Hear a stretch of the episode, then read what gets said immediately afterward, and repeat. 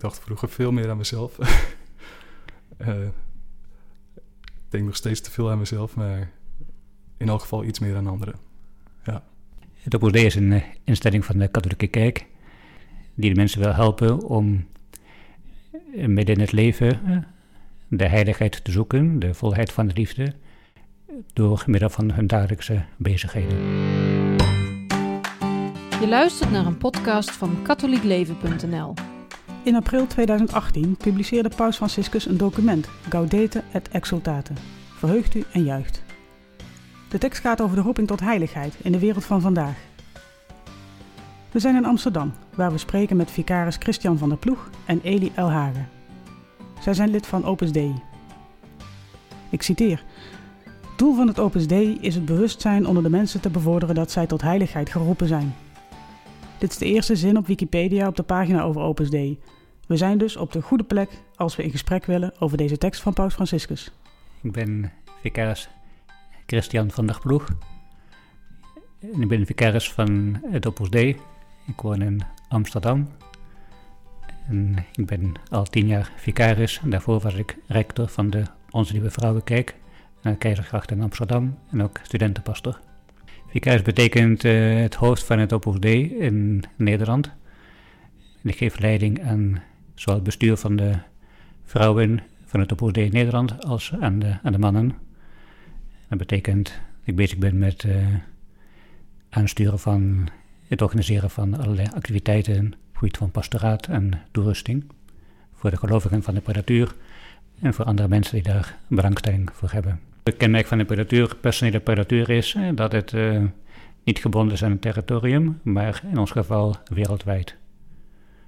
En in veel bisdommen in de wereld aanwezig is en met in nauwe samenwerking met de bisschop probeert uh, de mensen in de bisdommen te helpen in hun geestelijke leven. Vicaris Christian van der Ploeg is zeg maar het hoofd van Opus Dei in Nederland.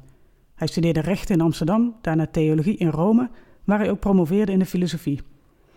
Hij werd in 1988 priester gewijd. Eli Alhagen werkt als piloot. Hij woont in Haarlem en is in zijn parochie al jaren actief betrokken bij het jongerenpastoraat. Ja, mijn naam is uh, Eli. Ik uh, werk voor de grote luchtvaartmaatschappij in Nederland. En uh, dat doe ik al nou, elf en half jaar. Heiligen. Zijn dat niet de mensen die je in de kerken ziet op beelden, schilderingen en glas- en loodramen en die je zo makkelijk uit kunt pikken omdat ze altijd zo'n gele cirkel achter hun hoofd hebben, een aureool? Zijn dat de heiligen van vandaag de dag waar de paus over schrijft? Uh, ja, voor mij is dat uh, toch wel die heilige Jozef Maria, maar ik heb zoveel andere heiligen die me heel veel geholpen hebben. Uh, heilige Augustinus, heilige Johannes Paulus II. En zo zijn er nog wel een aantal. Kijk, ik ben opgegroeid in een tijd waarin in mijn omgeving wel veel gepreekt en gezongen werd over vrede op aarde. En uh, ik heb ook veel films gekeken die, uh, waarin de wereld gered werd met grote dingen, namelijk wapens en uh, geweld en nou, de spektakel. Nou, dat zet natuurlijk wel aan het denken als je dat soort films ziet en alleen maar hoort over vrede op aarde. Want mijn waardering voor het Opus Dei ontstond onder andere door, uh, door de biecht. Hè. Mij werd aangemoedigd toen ik op een gegeven moment veel sprak met uh, iemand van het Opus Dei om uh, regelmatig te biechten. En dat werd op een gegeven moment elke week. En dan ontdek je hoe belangrijk vrede met God is. En dan begin je steeds meer ook die relatie met God te ontdekken. natuurlijk ook door de gebed te doen, maar de biecht was daar ook een belangrijk onderdeel van dat bekeringsproces.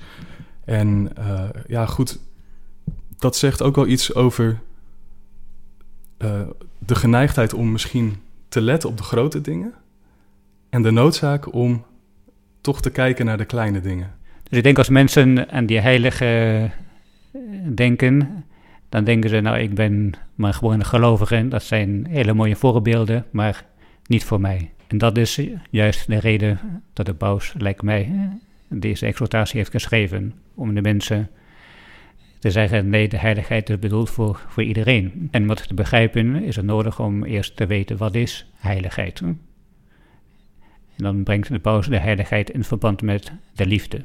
Heiligheid, liefde tot God en tot de naaste en vreugde zijn drie begrippen die bij elkaar horen. Als je dat begrijpt, dan kun je je afvragen, nou, de heiligheid is volheid van de liefde. Hoe kan een gewone gelovige, die midden in de wereld staat, uh, gezin heeft, op zondag naar de kerk gaat, vrijwilliger, vrijwilligerswerk doet in een parochie, hoe kan zo iemand uh, heilig worden?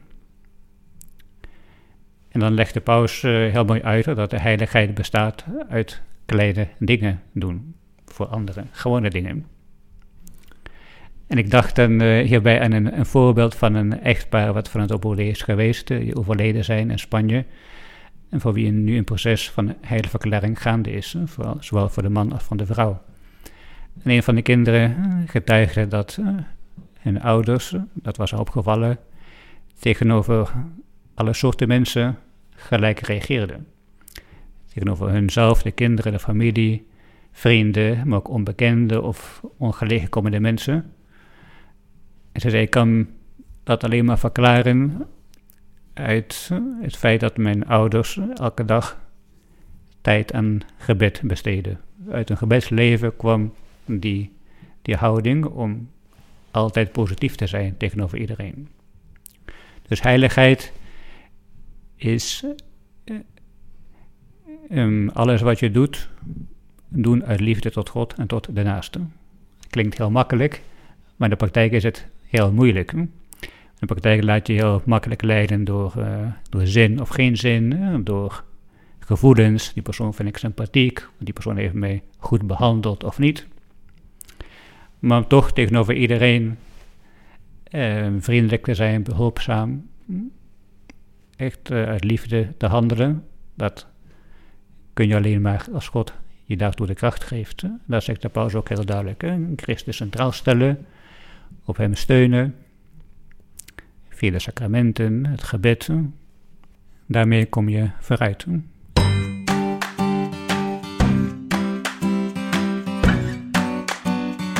Dus anders dan je op basis van die beelden in de kerk zou denken, is heiligheid niet een eindstation voor mensen uit een ver verleden, maar eerder een proces of een weg en ook iets voor ons hier en nu.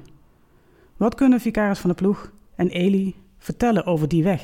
Het belangrijke is om meer nog dan stil te staan bij hoeveel houd ik van God, stil te staan bij hoeveel houdt God van mij. als we te veel stilstaan bij onszelf, raken we makkelijk ontmoedigd. Maar het overwegen van de liefde van God, de parabel van de verloren zoon, het gebed van de Onze Vader helpen ons enorm veel om te beseffen, God houdt van mij zoals ik ben.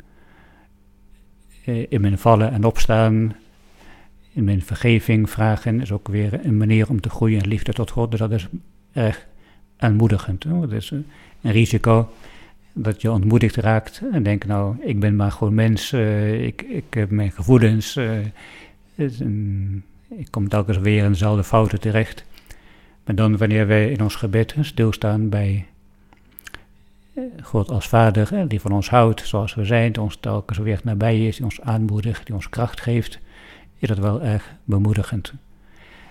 En de heilige Jozef Maria heeft dat, het boek geschreven, De Weg, als een hulp bij het persoonlijke gebed, met het innerlijke gebed, dat je tijd neemt om stil te zijn uh, voor God. Dat kan in een kerk, bij het tabernakel, kan ook gewoon thuis. Dat je een paar punten overweegt uit het boek De Weg, maar het kan ook even goed het evangelie zijn of een andere tekst. En je afvraagt, nou, wat heeft God mij vandaag te zeggen? Wat verwacht hij van mij?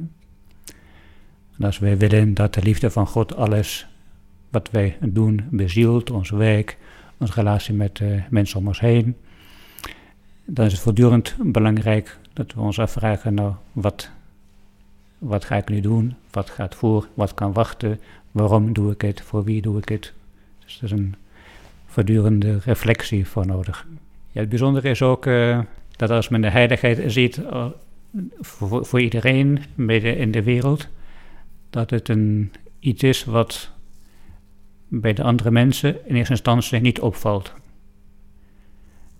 Pas wanneer iemand langer kent, zoals ik het voorbeeld uh, gaf van die kinderen over hun ouders, dan besef je dat niet normaal is om altijd vriendelijk te blijven, altijd geduldig te blijven, Maar voor iemand die je voor het eerst ziet, vindt het heel normaal dat je vriendelijk bent of geduldig en weet niet dat je misschien hoofdpijn hebt of niet goed geslapen hebt de nacht daarvoor en toch uh, dat uh, doet.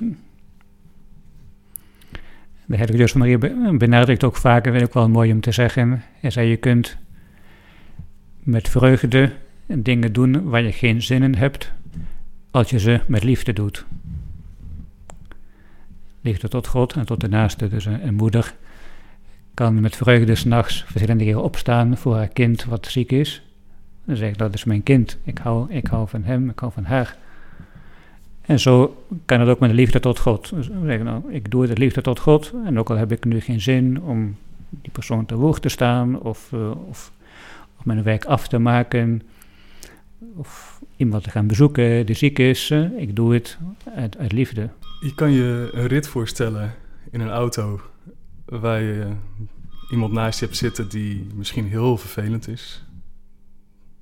En die je op hebt gepikt langs de snelweg. En uh, misschien wel een zwerver. En die zet je dan weer ergens af. Maar je hoopt wel dat die rit zo snel mogelijk afgelopen is. Dus uh, soms zitten we met mensen in een uh, kleine ruimte en kun je niet weg van elkaar. En dat hoeft ook niet, want God wil je daar hebben. Dus daar kun je in berusten. En God wil dat we samen als mensen samenwerken om te scheppen, om mee te helpen met zijn schepping. En dat kan dan inderdaad met een glimlach. Ook al hoop je, ook al heb je het heel zwaar en zegt een stemmetje binnenin van nou, ik hoop eigenlijk dat dit zo snel mogelijk over is. Toch kan je gaan zoeken naar de bewonderenswaardige dingen in iemand uh, die iemand wel of niet goed doet. Uh, of sorry, die iemand juist wel bezit. Ook al wil je liever de negatieve dingen zien. Ik ben benieuwd hoe dit voor Eli werkt. Hoe werkt hij aan zijn heiligheid? Hoe doe je dat thuis en op je werk als piloot? Heb je dan bijvoorbeeld bepaalde voornemens als je s ochtends opstaat, terwijl je je tanden staat te poetsen en jezelf nog eens in de spiegel kijkt? Het duurde iets langer voordat ik de OV-fiets kon uh, pakken. En dat is in plaats van uh, beneden de fiets pakken, is dat naar boven gaan. En vervolgens waren er nog vijf mensen voor me. En uh, nou goed, hoe vaak komen we zoiets op een dag tegen? Ik denk heel vaak, of het nou bij een stoplicht is, of uh, als je een OV-fiets wil halen, of een trein die niet op tijd gaat. En dat zijn juist hele mooie cadeautjes om aan God te geven van God. Ja, dit heeft u kennelijk zo gewild. Ik heb mijn best gedaan. En dit overkomt me nu. Hierin durf ik te berusten. Ik wil dit ook ik wil dit lief hebben. Um, dat staat trouwens ook in de weg. Een van de punten waarin de Heilige Geest Maria dus ook uitlegt hoe je van situaties gebruik kan maken om inderdaad die vrede en zelfs de vreugde te vinden uh, in die concrete situaties. En dat kan inderdaad ook op het werk zijn. Als je inderdaad s ochtends vroeg om vier uur op moet staan en uh, als je nou, een korte tijd hebt maar om een maaltijd mee te eten uh, als je op bestemming bent omdat je vervolgens andere plichten hebt. Uh, ja, dat, dat is allemaal onderdeel van een offer maken. Een, zoals nou, de heilige Johannes Paulus II zei, een geschenk maken van je leven. Uh, voor God en voor de naaste. Uh, je kan bijvoorbeeld de, de kerktorens die je vanuit de lucht ziet, daar kun je de Heer groeten. Zo vaak heb je de Heer onderweg die, die je dan tegenkomt. En dan zeg ik wel eens tegen mijn collega's, ja, home is where the heart is. Dus ik ben nooit eenzaam op de route. Hè, zo noemen we dat als ik uh, weg ben van huis. Um, maar ook bijvoorbeeld als je over al die steden heen vliegt, dat je dan voor die mensen kan bidden. En uh, de vorige prelaat van het Opus die, die ik ontmoet had, hij heeft maar één ding tegen me gezegd toen iemand zei dat ik piloot ben. Bid voor alle mensen op de bestemming waar je bent. Dus continu die dorst dat zielen bij God komen en, en dat zorgt ervoor dat je leert bidden. Um, of zelfs, ja, nog een klein voorbeeld, een koffer inpakken. Ook dat kun je opdragen. Dus ja, door het op te dragen, te zeggen: Heer, dit doe ik voor die persoon en voor, voor u, uit liefde voor u. Um, leer je zelfs van handelingen gebed te maken. In elk geval, wat we als uh, gewoonte hebben, is bij het opstaan de dag al op te dragen aan de Heer. En nog mooier is de avond ervoor. Uh, zelfs Anne Frank schreef erover. Eventjes gewetensonderzoek te doen. Dus dat is een uh, vrij oude gewoonte in de kerk, uh, die we ook aan elkaar moeten blijven doorgeven. En tijdens dat gewetensonderzoek ook te zeggen van... Goh, heer, kan ik ook iets doen voor morgen? Wat zijn de belangrijke dingen voor morgen? En wat kan ik als voornemen maken, inderdaad? Dus dat is een heel relevante vraag, inderdaad. Ja, dat begint al bij het uit bed stappen. Dat kan echt van alles zijn. Het kan echt van alles zijn. En dat moet ook een vrucht van gebed zijn. Bij zo'n voornemen hoort absoluut veel gebed en vorming. Ja, ja inderdaad. Dus uh, als je opstaat, denk je wat, wat de dag te bieden heeft.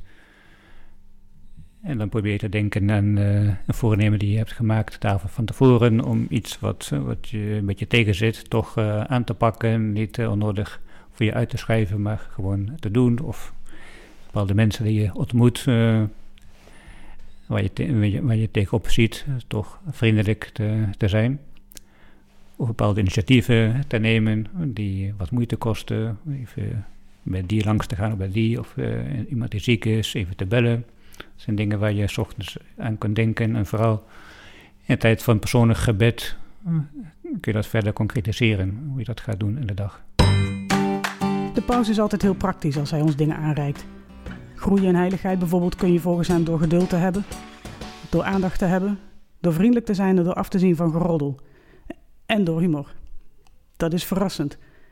Dus is mijn laatste vraag. Hoe combineert Opus Dei eigenlijk heiligheid en humor?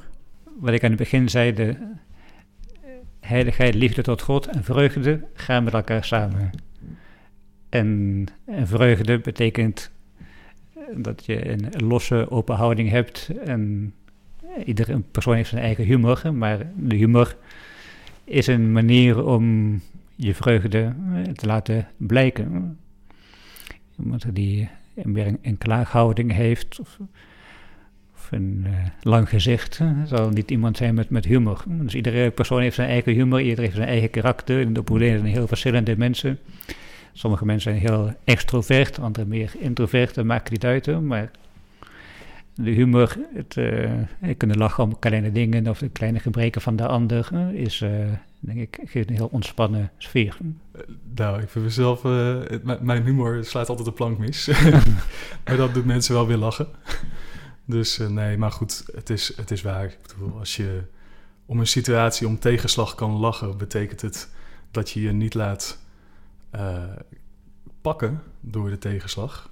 En misschien zelfs dat je met God inderdaad boven die situatie staat en, en die situatie gewoon kan accepteren met een glimlach of zelfs met een grapje. Dus uh, ja, humor is inderdaad heel belangrijk. Alleen, ja, het is natuurlijk wel oppassen dat het niet zwartgallig wordt. Of, uh, dus dus uh, alles heeft wel, het heeft wel zijn grenzen, klopt. Misschien kan nog even toevoegen wat me de binnenschiet van de heilige Jozef Maria in zijn begintijden in Madrid, waar hij heel veel tegenslagen had. En een keer was hij ergens heel boos over. Toen kwam hij langs een, eh, een plek waar je foto's kunt laten maken, pasfoto's in zo'n zo'n cabine. Ging hij er binnen en maakte vier, vier foto's, en eh, nam hij mee en dan zag hij zijn boze gezicht. En toen dacht hij, nou, ik gooi de foto's weg, maar ik bewaar er eentje. En af en toe, wanneer hij weer ergens boos over was, keek hij even naar de foto om over zichzelf te kunnen lachen. dat is wel... Uh... Dat is wel goed. Dit was een podcast van katholiekleven.nl. Bedankt voor het luisteren.